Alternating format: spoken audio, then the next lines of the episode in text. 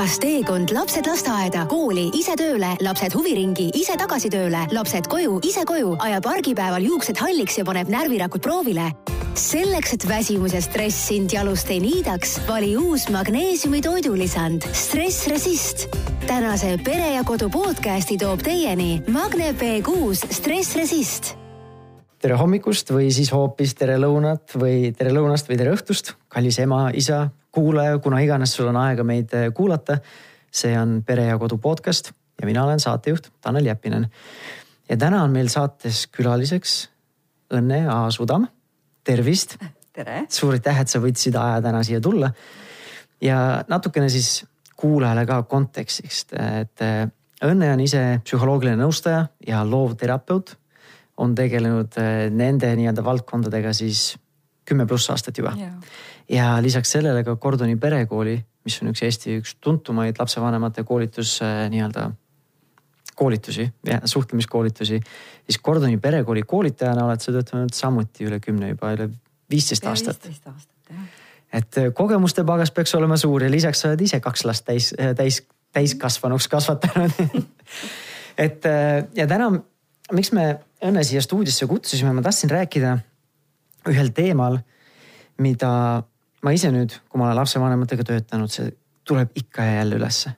et ja me räägime täna siis nii-öelda lastega konfliktide lahendamisest ja vaatame, proovime lahend-, läheneda sellesse väga erinevate nurkade alt ja erinevaid nii-öelda alamteemasid äh, lahata. aga see tundub nagu selline oluline teema olevat, sest sagedasti äh, lapsevanemad ei saa nende konfliktide olukordades hakkama, sest võib-olla ei taha nagu enam karistada, aga ma ei oska midagi muud ka enam teha. see on nagu üks pool, mida ma olen kuulnud ja siis äh, äh, see teine pool on võib-olla mõnikord on see, et nüüd, kui ma tahan oma last, lapsi nii-öelda jutumärkides siis hästi kasvatada. et siis nagu meil tekib võib-olla ootus, et see hästi kasvatamine tähendab, et meil ei tohiks ka konflikte olla enam. mis ei ole väga realistlik ootus nagu kaks erinevat inimest ja see suhtedünaamika ja nii edasi et see on siis nagu see teemapüstitus ja vaatame siis, kuhu me sellega jõuame, aga et see on õnne see, kuidas mina siiamaani olen siis seda teemat nagu näinud üles kerkimas, eks neid lah-, tahke on nagu erinevaid ka äh,. kui sina nüüd siis kas selle nõustajana või terapeudina või siis Kordoni perekooli koolitajana selle konfliktide lahendamisega kokku puutud, siis mis on sellised hästi levinud, kas mustrid või siis murekohad või need kõige levinumad väljakutsed, mida sina oled märganud -hmm.? jah, et äh, vanemad ju tulevadki enamasti Kordoni perekooli, et nad tahavad olla paremad vanemad. Nad on aru saanud, et äh, mingi asi ei tööta.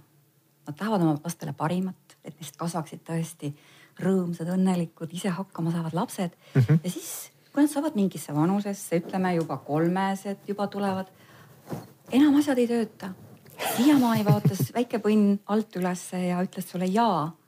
aga nüüd äkki laps ütleb sulle ei. ja see hakkab korduma, see hakkab korduma ja vanem ei saa enam aru, milles viga on. tema toimib ju endiselt. tema on endiselt mõjus.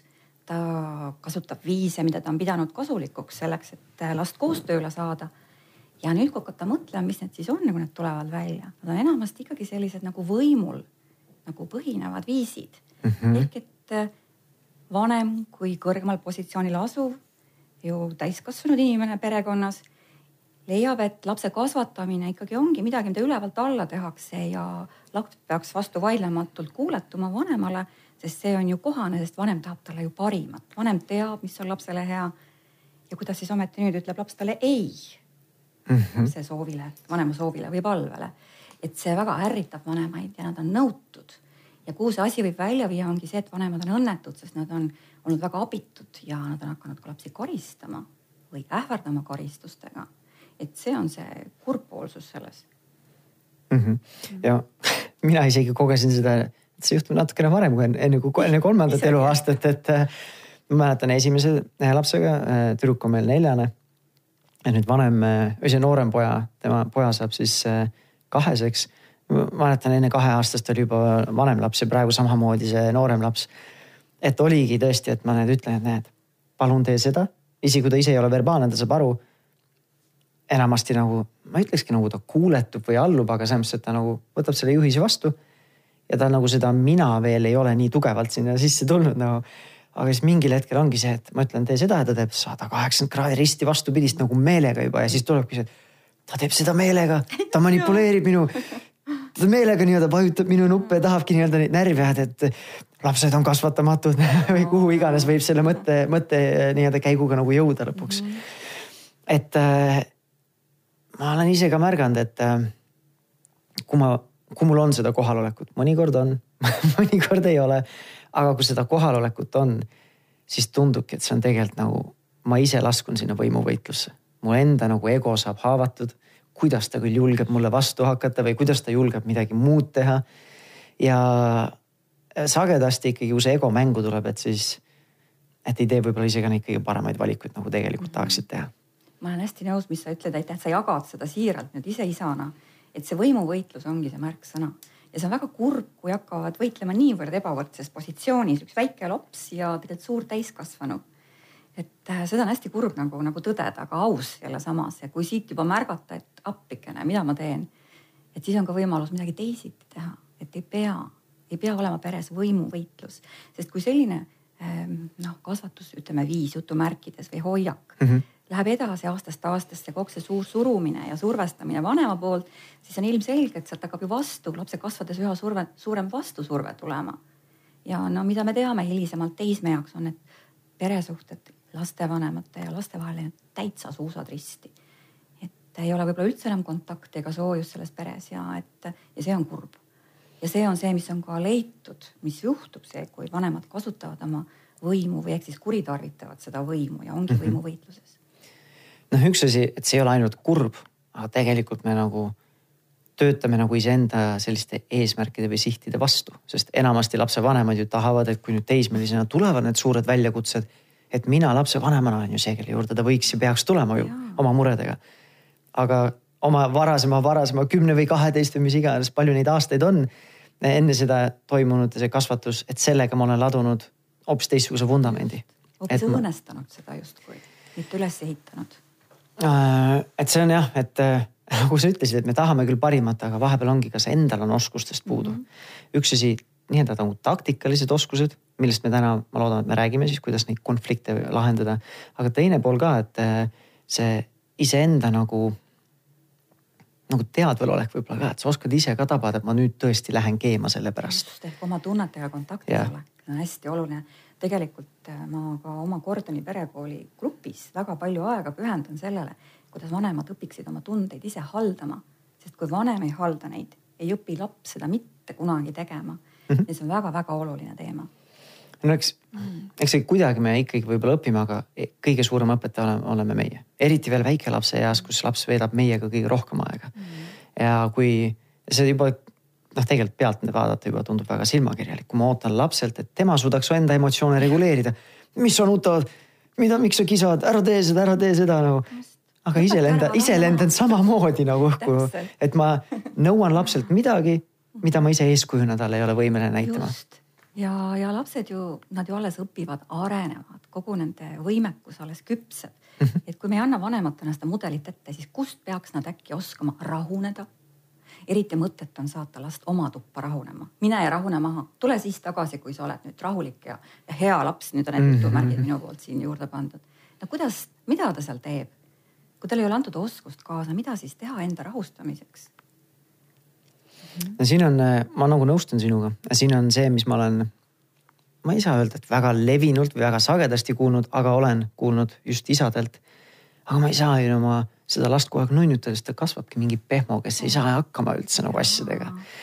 et äh, noh, ma tean, kuidas mina seda adresseerin, aga ma tahan huvi, huvi pärast küsin, et kuidas siis sina sellele reageerid, et kui keegi ütleb, et ma ei saa ju last nunnutada kogu aeg ja teda lohutada, teda aidata, teda toetada, siis nii-öelda see maailmselt, kui ta täiskasvanuks saab, siis see on ju karm, et siis keegi enam ei nunnuta teda nagu ma saan aru nendest isadest, kes nii ütlevad, sest loomulikult laps peab õppima ka frustratsiooniga toime mhm. tulema. aga kui me räägime nüüd konfliktiolukorrast, kui tunded on hästi tugevad nii lapsel mm -hmm. kui ka vanemal, siis ikkagi ja eriti isad, kes ongi suured, tugevad, jämeda häälega ja väga valju häälega, mis on laste jaoks väga hirmutav. kui keegi suur ja tugev ja veel karjub su peale, see ei ole see viis, kuidas last saab aidata rahuneda ja endaga koostööd tegema saada, vaid laps hoopis tardub ta tardub mm -hmm. üleni, ta ema, ta aju tardub ja ta, mida ta kogeb, on ainult see, et ta on halb. ta ei ole piisavalt hea, teda ei armastata ja ta kogeb ainult hirmutunnet seoses oma lapsevanemaga ja seda me ju ei taha ometi, aga see on see, mida lapsed kogevad. Mm -hmm. ja seesama, mis sa ütlesid ka, et ega, et see ei ole viis, kuidas siis laps õpib paremini käituma, sest ja. enamasti selles olukorras, kui juba see konflikt on olnud, kui emotsioonid keevad mm, -hmm. siis äh, aju ongi mingil määral nagu selles stressireaktsioonis. ja samamoodi nagu ma vaatan täiskasvanu vahelisi tülisid, kui juhtub olema, siis ega ise ka nagu ei tee õigeid valikuid, ütled asju, mida ei taha öelda mm. -hmm. hiljem mõtled, võib-olla oleks pidanud teistmoodi tegema et kui sul on aju on stressis, ole sa laps või sa oled täiskasvanu, sa lihtsalt ei tee häid valikuid ja see, sul ongi nii-öelda see aju, aju nagu kinnine, et ta ei võta seda sisendit vastu hästi. et see ei ole, kui emotsioonid on kõrged, siis see ei ole kõige parem võib-olla koht või aeg, millal juhiseid anda. täpselt, sest täpselt kui emotsioonid tulevad, siis meie ürgaju saab kiiresti impulsi võidelda või põgeneda, eks ole, rünnata või siis taganeda. ja siis ongi see, et meie mõtlev ajukoor on blokeeritud ja enne kui me ei räägi tunnetest või ei aita need maha võtta, ei vabane ka mõtlev ajukoor, sest alles siis, kui mõtlev ajukoor on jälle vabastatud ja tunded alla võetud, saab hakata rääkima asjast. mis see nüüd oli, mis praegu juhtus ja kuidas võiks edasi teha nii, et, et sina oleks rahul ja mina ka. et alles mm -hmm. siis no väga põnev nii-öelda teemapüstitus juba pikk tehtud, et me oleme rääkinud sellest, mida mitte teha et ära siis kärgi, ära siis vala nii-öelda õli tulle piltlikult on ju, ära siis lükka last eemale äh, sel hetkel, kui võib-olla võiks just nagu hoida või ju just, toetada. vaatame, mida siis teha et kui see, kui meil tuleb, noh, enamasti need konfliktid, neid võib tulla mustmiljon erinevatest mm. kohtadest. mustmiljon on võib-olla natuke liialdatud, aga neid on mitmeid. aga üks, üks sage koht ongi näiteks, kui ma tuletan mingit piiri meelde või mingit ootust ja see millegipärast noh, ei ole meele, meelepärane sellele lapsele ja siis ta ei suuda lihtsalt ennast reguleerida või ta ei nõustu sellega, ta tahab tegelikult minna õue last teistega mängima või kui ta on vanem juba sõpradega välja, aga nüüd mina kas hoidsin piiri, kehtestasin piiri, tuletasin piiri meelde, onju. see piiride seadmine on täiesti eraldi teema, kuidas seda teha, see on teine teema, millest me võiksime vähemalt sama pika saate veel eraldi teha. aga nüüd, kui see reaktsioon juba tuli, see mhm. konflikt mm, -hmm. meil on kas erinevad vajadused, meil on erinevad ootused ja need emotsioonid läksid keema. mida siis teha selle lapsevanemana? lapsevanemana esimene asi ongi see, et nüüd tuleb kõigepealt ikkagi oma tunnetega kuidagi toime tulla, et ei reageeriks lihtsalt selle impulsi pealt, et ma nüüd ärritusin, pahandasin või enamasti ongi see, mis see reaktsioon on, nagu eestlastel on, vanem vihastab mm. -hmm. aga nagu me ju teame, et viha on tegelikult teisene tunne, midagi hoopis, hoopis teised tunded võivad olla selle vihatunde all, mida vanem koges siis, kui laps ütles talle ei. see võib olla pettumus või ärritustunne või, või selline tunne, et ma ei ole piisavalt hea vanem või, või, või mis iganes see on. nii et vanem et selleks, et mitte reageerida selle vihatunde pealt mm, -hmm. selle impulsi pealt, mis ei ole last abistav ega ennast abistav. nüüd vanemal võiks olla siis ikkagi see eneseabi mingisugune kotike olemas ehk et siis mingid head viisid, oskused, kuidas kõigepealt ennast rahustada. ja mina ütlen selles mõttes, mida ma olen aastaid ja aastaid nii vanematele kui lastele õpetanud, on kõige lihtsam ja käepärasem abivahend on hingamine. sügav hingamine. muidugi me hingame kogu aeg, aga rahustav mm -hmm. hingamine on see, kui ma hingan nina kaudu sisse ja siis pikalt-pikalt suu kaudu välja. ja kui ma olen niimoodi kasvõi kolm korda hinganud rahustavalt, sest see tõepoolest viib stressihormoonid meie kehast välja, kui ma hingan sügavalt välja, siis on jälle minu mõtlev ajukoor vanemana vabanenud sealt emotsioonide kütkest ja ma saan lapsele reageerida adekvaatse täiskasvanuna ehk et aidata nüüd teda sest kui mhm. lapsel on tunded üleval, siis ei saa hakata nüüd temaga mõistlikku juttu rääkima. nii et kõigepealt aitan ennast ja siis mul tuleb hakata last aitama. kõigepealt tuleb aidata temal tugevad tunded maha võtta ja selleks ongi ikkagi kuulamisoskus. mida ma näen või mida ma kuulen sind tegemas, eks see käitumise mm -hmm. kirjeldus. tuleme selle kuulamisoskuse juurde tagasi, ma tahaks natuke uurida, küsida selle enese äh,, enese emotsiooni reguleerimise ja. kohta, sest noh, nagu sa ütlesid ka, et see on see nii-öelda esmane mitmel tasandil, esiteks see, et ma aitan luua lapsele eeskuju. kuidas selle emotsiooni ajal nagu käituda või mida siis teha mm. -hmm. teiseks ongi see, et sa ei hakka emotsiooni pealt nii-öelda paugutama. Äh, sa ütlesid, üks on, üks hea asi on hingamine mm. -hmm. oskad sa veel mingeid näiteid tuua, mis aitab natukene siis seda nagu filtrit sinna vahele panna, et ma ei hakka puusalt nüüd paugutama, aga ma siis panen mingi filtri vahele, mis aitab mul ma ei tea, kas natukenegi aega võita, et ma saan siis valida, kuidas käituda. et hingamine on üks just, teine on ka see, et ma ütlen ise sõnadega välja, mida mina tundsin. ehk et see võtan ka oma tunde sellega alla mm -hmm. ja saangi öelda lapsele, et kui sa ütlesid minu soovi peale, et meil tuleb nüüd riidesse panna ja hakata lasteaeda minema, sest et tõesti, meil on ainult väga vähe aega ja ma ei taha tööle hiljaks jääda.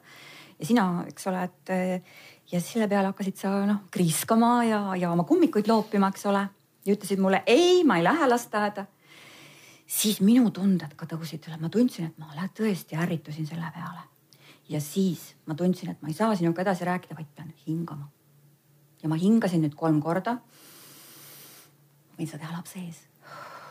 või teine variant on see, et ma olen praegu nii pahane, ma lähen käin korra joon klaasi vett. et ka laps näeb mudelina, et vanem teeb midagi nüüd teistmoodi, ta teeb midagi enda aitamiseks -hmm. et ta ei hakka paugutama väga aus on ka vanemana öelda, mida ma tunnen. aga et minu soovitus on see, et kui me pidevalt laome lapsele, et ma olen sinu peale vihane, ma olen vihane, vot see ei ole hea. et äh, viha on alati, viha on nii tugev emotsioon ja see tekitab väga tugevaid süütundeid ja, ja jälle ka vastupanutundeid. pigem, armas vanem, saa oma tegeliku tundega kontakti, mis selle vihatunde all on ja ütle see sõnadega välja sellega sa aitad iseennast selle tugevast tundest välja tulla mm -hmm. ja sa annad ka lapsele sõnavara, sest ma olen täiesti veendunud, et meil eestlastena on väga-väga suur roll oma laste kasvatamisel just see emotsionaalne sõnavara anda lastele kaasa. ja kust ta seda saab, kui me ise ei kasuta? kui me küsime, kuidas sul läheb, siis me, siis me täiskasvanud ütleme, kas normaalselt või hästi aga need ei ole ainsad, eks ole mm, -hmm. nii et see mhm. emotsionaalne sõnavara, oma tunnetega kontaktis olemine ja mina ka koolitustel jagan inimestele emotsionaalse sõnavara lehti, kus on mhm. kirjas valik ja siis me loeme ja naerame nende üle, sest seal on väga erilisi ja ja keerulisi, aga et, et see sõnavara rikastuks. sest eesti, eesti keeles vist mingi paar-kolmsada vähemalt emotsioonide kohta käivat sõna, on ju. eks ole, just, et on ju uuringuid tehtud, et ma tean, Ene Vainik, Eesti filoloog, kes on teinud, uurinud eestlaste emotsioone. Need on aastaid küll tagasi, et kus ta uuris, mis sõnu kasutavad eestlased kõige rohkem emotsionaalselt ja mida inimesed tunnevad ära.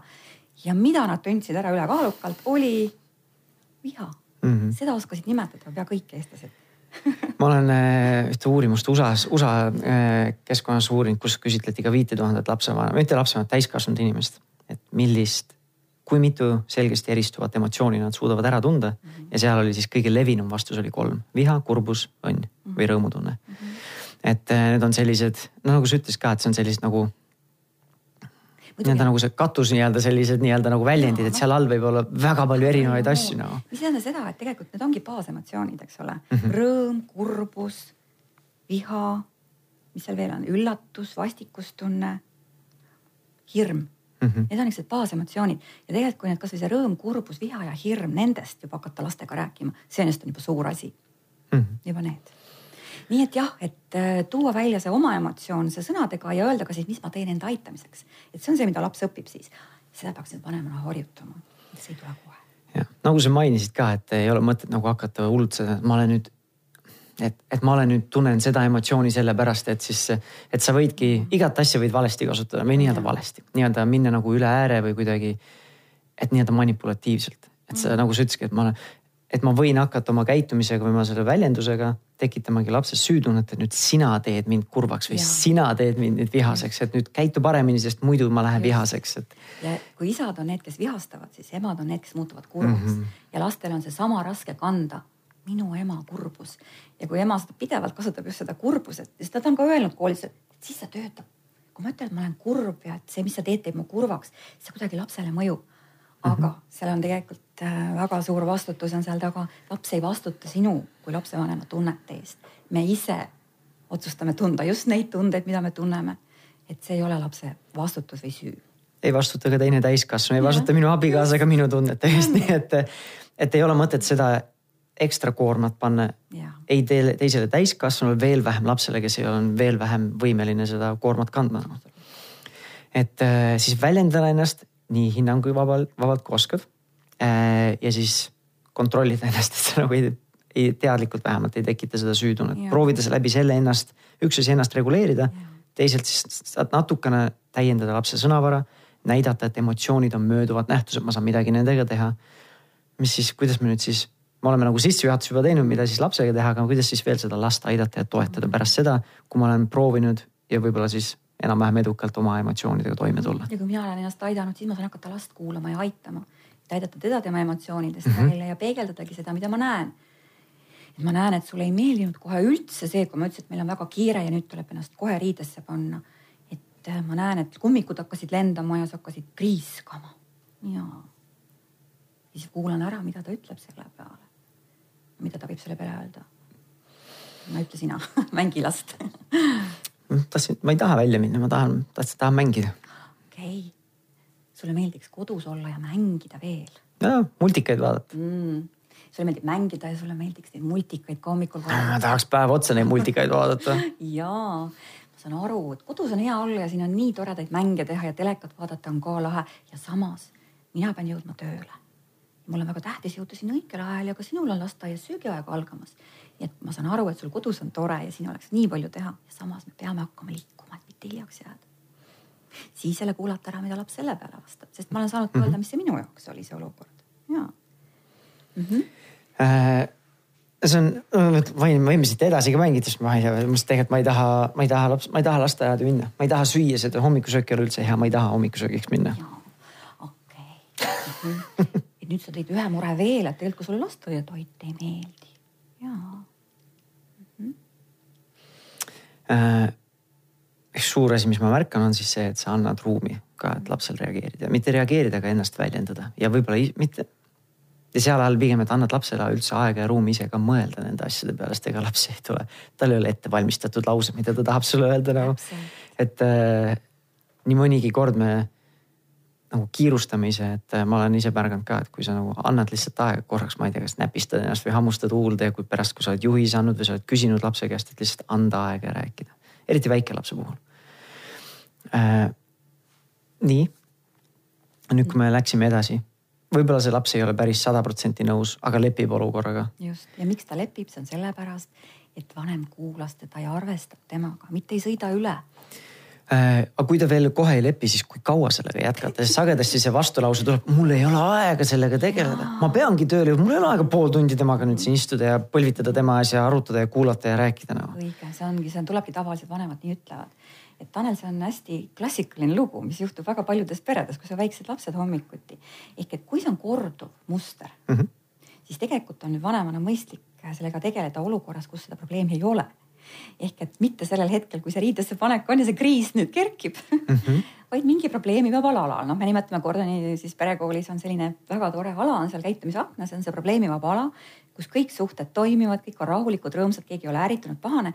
ja koolitusega eesmärk on ju laiendada seda probleemivaba ala, et pingeid ja konflikte oleks vähem või kui neid ka esineb, noh, olekski utoopiline loota, et peredes ei ole konflikte ja probleeme, see on lihtsalt loom-, normaalne elu osa. aga et nad tulevad siis juba väik-, juba kergemal kujul ja neid on lihtsam lahendada sest kõik baseerub heale suhtele, mis on kogu selle nagu vanemaks olemise nagu suur mõte ja õppimise eesmärk ongi olla seda, hoida seda suhet, luua see suhe, sest siis on alles võimalik hakata ka piire seadma koostöös lapsega ja, ja üldse teda paremini koostööle saama.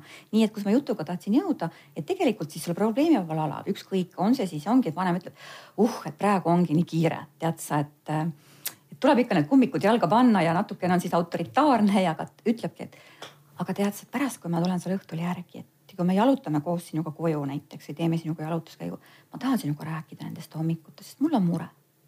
ja ma olen kindel, et sina saad mind aidata. ja võttagi see teema jutuks hiljem, rahulikus, kui seda probleemi ei ole üleval. või õhtusöögi, pärast õhtusööki või, või millal iganes see sobiv ja rahulik hetk on. et planeerida see aeg sinna oma päeva ja rääkida lapsega mm. -hmm. no sellel rääkimise ajal ka vist ei, ei tohiks seda sellist hullu moraali lugemisena teha ju. et see rääkimine on samamoodi ikkagi nii-öelda lapsega arvestav, et nii-öelda proovida tema poolt näha äh, ja nii edasi, mitte see, et nüüd kuule, need hommikud ei tööta lihtsalt noh et üks asi kindlasti, et me saame ennetada neid asju. kindlasti palju asju saab nii-öelda selliste rutiinsete või rituaalidega nii-öelda ennetada, kui mul ongi see väljaminek on alati fiks, tehagi mingi rituaalrutiin, mida me kogu aeg järgime, siis seda natukene lihtsam järjepidevalt teha. aga nüüd, kui me oleme seal olukorras, et siis mis, kuidas ma lahendan seda, kui laps lõpuks ikkagi ei taha tulla või ütle äh,. noh, kus ma võtan ta siis jõuga sülle, lähen panen ta sinna lapsetooli või kui on kriisiolukord, siis vahest peab ka vanem oma vanemlikku võimu kasutama. Mhm. selge see, et sealt tulevad suured kriisked ja mm, -hmm. ja jalahoobid ja et seda, see tõesti ei tohiks olla korduv, vaid siis tõesti ühekordne, et pärast seda hiljemalt peaks vanem tegema siis selle ikkagi sellest rääkima, seda noh, just nimelt probleemi vallale võtma teema ülesse. et meil on mure nende hommikutega, et mina lähen närviliseks ja ma näen, et sulle ei meeldi see ja mida ka vanemad on, noh, me oleme ka arutanud, et mis võiks veel nagu aidata, et ongi see, et, et vanemad saavad ise muuta midagi iseenda hommikutes ja iseenda käitumise juures ehk vahest ongi see, et vanemad teadlikult panevad oma äratuskella kas viisteist minutit varasemaks või isegi pool tundi varasemaks. Et, see oma akud ära laadida, oma aega leida mm, -hmm. et rahulikult oma kohvi juua, oma uudised ära vaadata, mis iganes hommikurituaalid on, et sina ennast hästi tunneksid lapsevanemana. ja siis sa saad tegeleda lapsega. et mida on vanemad ka leidnud ja mida ka soovitatakse, on see, et lapsed, kellega jõutakse hommikul veidikene mängida on see siis väike lauamäng või mis iganes mäng, lähevad palju parema tujuga lasteaeda. no ma räägin mm -hmm. noh, ka väikestest lastest mm -hmm. või miks mitte ka algklassi lapsega, midagi sellist sõbralikku ja sooja ja teda toetavat, mis tema akud laeb ära. annab talle selle tunde, et ma olen armastatud ja ma olen väärtuslik ja ma saan hakkama. et kuidagi planeerida oma hommikusse, et äh, selline ka lapsega selline väike mänguhetk mm. -hmm. ma arvan, et see on väga inimlik ka mm. -hmm et kui sa mõtled, et nüüd see äratad lapse üles, siis on nagu mingi sõjaväetrill, et tee seda, seda, seda, seda, kiire, kiire, kiire, nüüd see, see, see ja nii edasi, siis ongi see, et võta korraks aeg maha.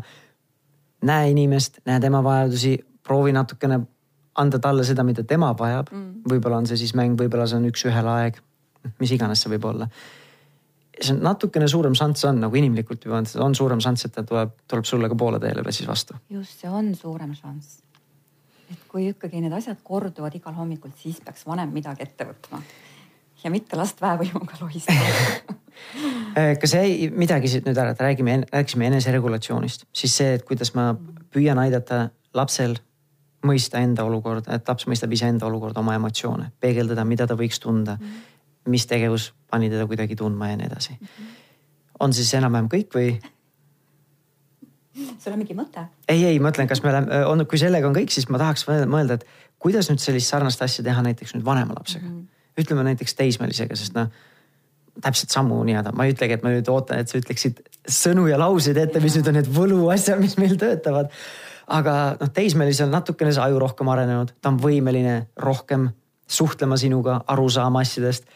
et nüüd, kui näiteks teismeliga teismelise äh, lapsega, meil on mingi konflikt, olgu see siis näiteks oma seadmete kasutamise mingi piirid või on siis äh, koolitöö tegemise ootus, enne kui välja lähed. Äh, et kui seal tulevad mingid konfliktid, et kas seal on, ma arvan, et see üldstruktuur on sama, aga kuidas nagu seal võib-olla siis teistmoodi läheneda, kui see on nagu rohkem, vähemalt otsa vaatab sulle natuke täiskasvanulikum inimene, kuigi noh, aju areng veel päris lõpuni pole läinud, et. mul tuleb pigem see nagu, et see mõte või see, see viis, kuidas võiks üldse nagu juba suuremate lastega toimetada mm, -hmm. mis ei tähenda, et ka väiksemate lastega, et neid saaks kaasata probleemi lahendusse. et tegelikult me alahindame sageli ka oma väiksemaid põnne, et nad ei suuda ise häid lahendusi pakkuda oma olukorrale. Aga ilmselgelt, kui me juttu on teismelistest, siis ja, ja tegelikult juba ka algklassilastest ja mm -hmm. eelteismelist ja kõik see seltskond. et ikkagi see, kui laps tunneb, et ta on kaasatud ka pere kokkulepete või reeglite äh, nagu väljamõtlemisse siis on tohutu suur potentsiaal ja võimalus, positiivne võimalus, et ta nendest ka kinni peab, sest ta tunneb, et teda on kaasatud, ta on osaline, temaga on mhm. arvestatud. Et temast ei minda üle ja ei tule kuskilt ülevalt alla käsklusi, et nii, meie peres on nüüd see reegel ja sina õpid see kell ära ja ongi kõik jah, alles siis sa saad oma nutividinasse minna.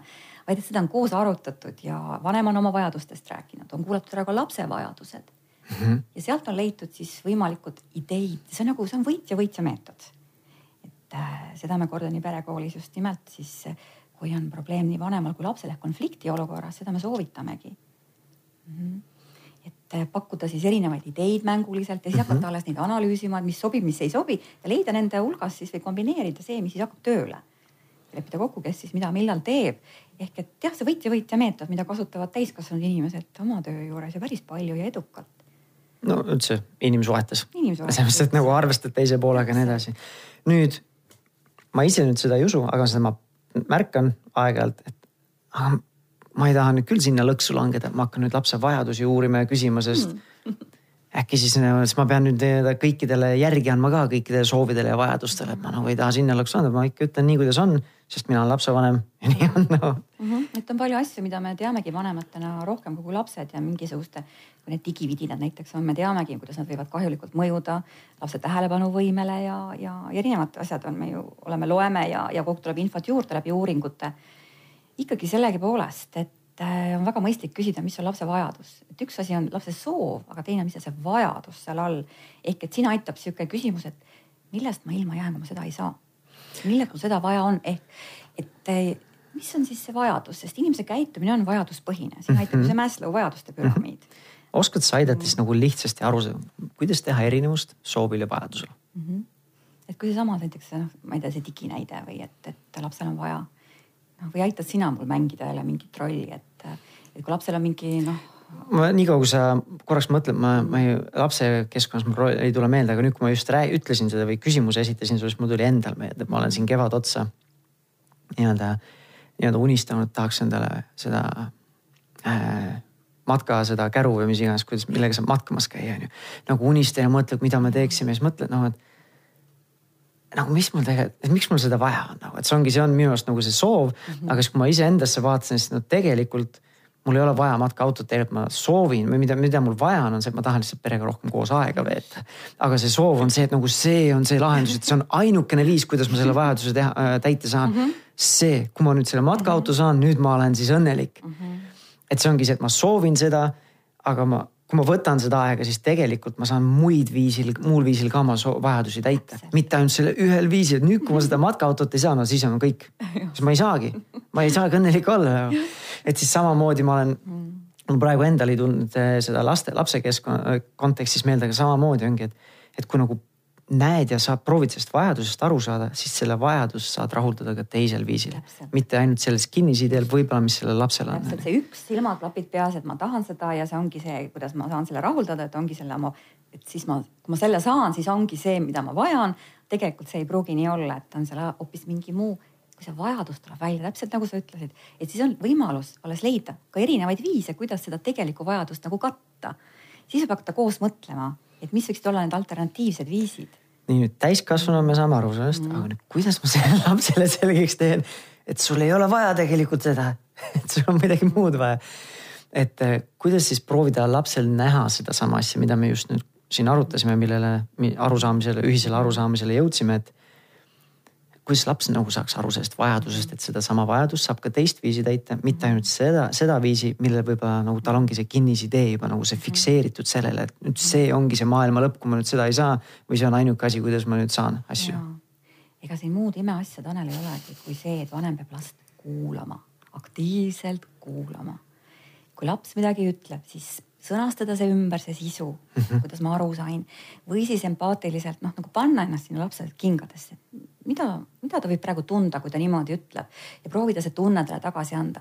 eks sa aitad tal teda kuulates sellel lapsel endal jõuda ka enda sisse ja sügavamale, et ta hakkabki arutlema selle üle ja teismelised on selleks juba täiesti võimelised mm, -hmm. ka eelteismelised on selleks juba võimelised. ehk et ikkagi kuulamisoskus on see, mis aitab jõuda siis sinna, et laps saab aru ka oma vajadusest. muidu mm. ei saa. ja selle jaoks oleks vaja natuke enda jaoks aega maha võtta ja, ja kohal, kohal olla, mitte füüsiliselt samas ruumis mm -hmm. ja lihtsalt noogutada ja küsida küsimusi ja järgmist küsimust ja järgmist küsimust. aga võtta see kohalolek ka, et sa oledki samas mm -hmm. nii-öelda emotsionaalses või selles, ma ei tea, lainesagedusel. see on väga oluline, eks see aitamine töötabki, noh, ütleme aitamine, kuulamine on aitamine, et see ongi, see töötab siis, kui mul on aega, energiat ja tahtmist seda last aidata.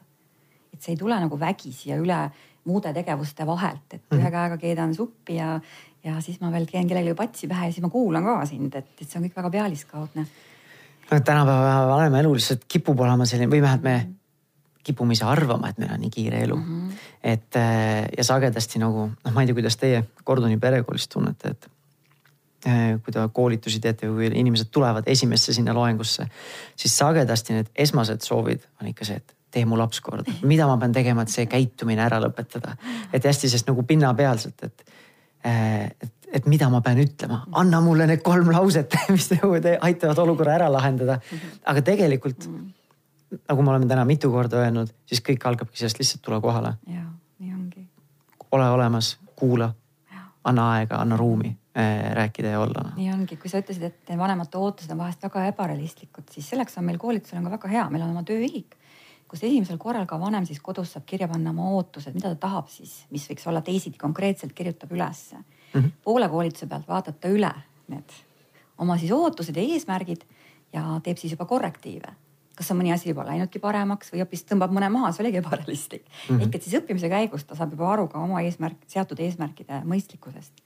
Ja koolituse lõpus vaatab ta uuesti üle, et sul on nagu selged sammud, kuidas sa lähed. aga jah, kuigi keegi ei ole jah otse öelnud, et ma tahan nüüd head retsepti kohe, kuidas saada jutumärkides pahast lapsest jutumärkides hea laps, aga et ilmselgelt ju mingi põhjus on, et vanemad vajavad tööriistu, kuidas olla efektiivsem vanem tõesti. et üks mm. asi, kuidas nagu see senine vestlus kokkuvõte, et ongi, et võib-olla proovida siis nii-öelda näha selle käitumise taga neid muid alumisi protsesse, neid vajadusi mm. -hmm. ehk siis, äh, et sa ei püüa siis korrigeerida seda käitumist, aga püüad aru saada, mis tal käitumise taga on ja siis ja. proovid adresseerida seda teemat. kusjuures seda on ju ka, et vanemad on ka toonud koolitusel välja, et kui nad hakkavad oma last südamega kuulama, siis vahest juhtub ka see, et vanema enda mõtteviis muutub. ta saab aru, lapse käitumisest ja vajadusest ja hoopis tema tuleb lapsele vastu rohkem. ta mõistab last mm. -hmm. Just, et see kuulamine ongi selles mõttes imeline nagu tööriist. et ta suurendab meie mõistmist lapse suhtes ja samas, eks ole, ka me võime, me ise, kui me südamega kuulame, võime ka ise paremini mõista last ja, ja muuta ka oma võib-olla väga jäiku seisukohti mm. -hmm. või liikuda laste vajadustele, arusaamistele lähemale. meil hakkab varsti nüüd aeg otsa saama, aga enne kui me lõpetame, siis ma tahaks äh, just rääkida sellest, mida sa korraks mainisid, et sa rääkisid südamega kuulamisest ja Gordoni perikoolist te räägite aktiivsest kuulamisest ka onju. et eh, on sul siis mingeid nõuandeid, kuidas siis paremini kuulata seda last, et sa kuuladki mitte ainult neid nagu ainult sõnu, aga sa saadki nagu aru, mis see vajadus võiks seal olla ja nii edasi, et see, et see ei ole selline noh, see on, ei ole mingi kohustus, mida sa teed, aga see ongi üks osa sinu nii-öelda lapsevanema tööriistakastist ja see ongi see, mis tegelikult lähendab ja toob neid suhteid lähedasemaks ja tõstab seda koostöö tõenäosust ja nii edasi. see kõik algabki sellest üldse sellest hoiakust. et meie hoiak vanematena ongi see, et, et meil ei ole siin pigem mingi võimuvõitlus või sõdatander, vaid et meil on armastussuhe mm -hmm. omavahel. et ja kõik teha siis vanematena selleks, et see suhe oleks hea nüüd, homme ja ka tulevikus ja, ja selleks on see südamega kuulamine või noh, aktiivne kuulamine, need on minu jaoks sünonüümid mhm. tegelikult. et on väga hea viis kontakti luua mm, -hmm. olla kontaktis ja, ja mõista last ja, ja laps saab aru ka minust mm. -hmm. on sul mingeid näpunäiteid, kuidas siis nii-öelda seda hakata paremini siis kuulama või siis aktiivsemalt või rohkem siis süda, südamega või siis kohalolekuga mm.? no aktiivse kuulamise mõttes ikkagi tuleb see, millest see kuulamine koosneb, ehk et ma olen tegelikult seda jutu sees ka maininud, aga mm -hmm. seda saab siis üle öelda. et kuulamine koosnebki siis sellest, et ma sõnastan tagasi, mida laps ütleb. see aitab mul endal paremini aru saada, kas laps mõtles tõesti seda, mida ta ütles ja samas aitab ka lapsel endal mõista, kui ta ütleb, kui sa ütled sõnadega välja midagi, siis see hakkab kuidagi teisel tasandil, see arusaamine jõuab sulle ka endale kohale ja see aitab jutul edasi liikuda sellel dialoogil, sest mm -hmm. ma arvan, hästi oluline on see südamega kuulamise juures see, et me oleme lapsega dialoogis. sest et väga paljusti me vanemad kogu aeg nagu intervjueerime oma last. Me oleme kogu väga ühepoolses suhtes, oma arust me oleme väga kontaktis. aga kui me ainult pumpame lastelt infot välja, noh muidugi meid huvitab, kuidas sul läks lasteaias või kuidas sul möödus koolipäev. aga kui see jääbki ainult sinna, et me temast saame infot, aga kas laps ka meist saab? et see ei ole vastastikune et mina soovitan ka vanematele, et, et selleks, et sinu laps oleks avatud ja, ja usaldus, usalduslik sinuga, räägi ka endast, ava ka ennast. Räägi, kuidas sinu päev möödus, et oli võib-olla sulgi mõni raske hetk või kuidas sa sellest üle said. või mis mõtteid ja tundeid sina kogesid täna. et see on see, ka see läheb see südamega kuulamise juurde mm. -hmm nagu ma juba korra olen ütlenud, see nõuab siis kohalolekut, et võtke see aeg siis.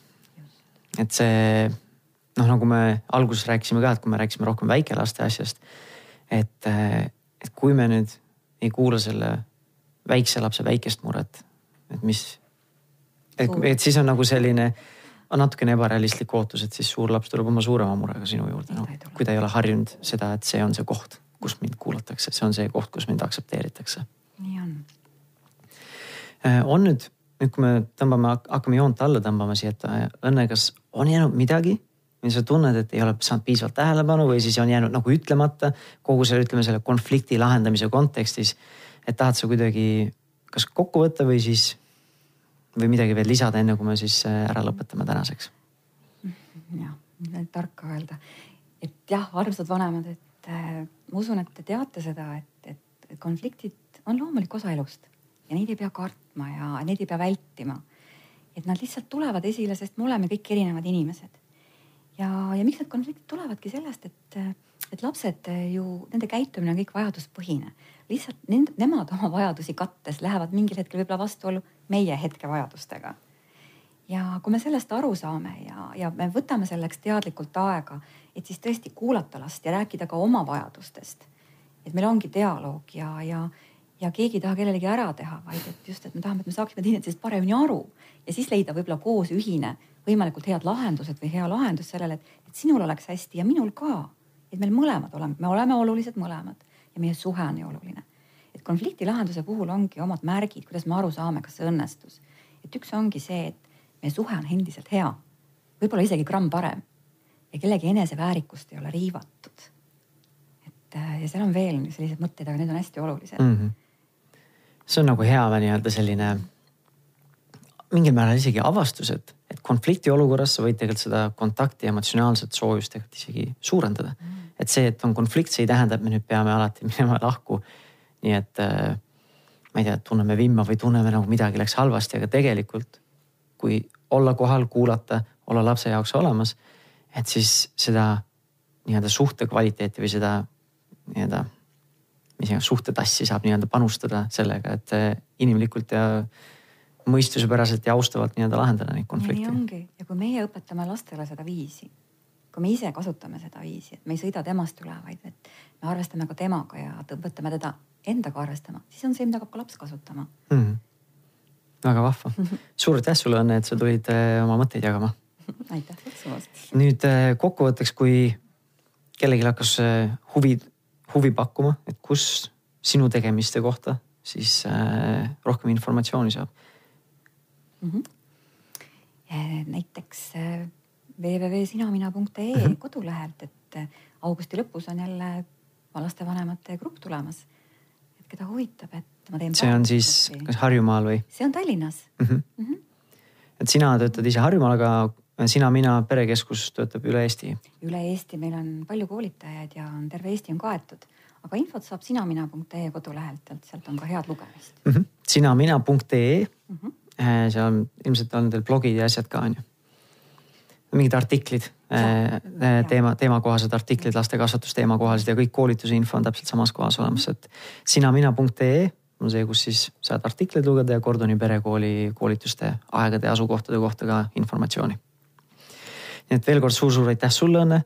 suur aitäh sulle ka, kuulaja, et sa võtsid aega oma äh, kiirest elutempost, äh, kiirest päevast, et siis äh, natukene kaasa mõelda, arutleda ja oma, omaette nii-öelda oma pere, pere, pere peale mõelda. ja kui sa soovid, siis meil eh, hoia silma peal kindlasti ka Delfi ja Pere ja Kodu veebiväljaannetel eh,. sinna, seal tuleb artikleid igapäevaselt mitmeid ja Pere ja Kodu siis podcast'i saade tuleb välja igal laupäeval. aitäh kuulamast ja siis järgmise korrani, nägemist kas teekond lapsed lasteaeda, kooli, ise tööle, lapsed huviringi, ise tagasi tööle, lapsed koju, ise koju, ajab argipäeval juuksed halliks ja paneb närvirakud proovile? selleks, et väsimus ja stress sind jalust ei niidaks, vali uus magneesiumi toidulisand Stress Resist. tänase Pere ja Kodu podcasti tõi teieni Magne B6 Stress Resist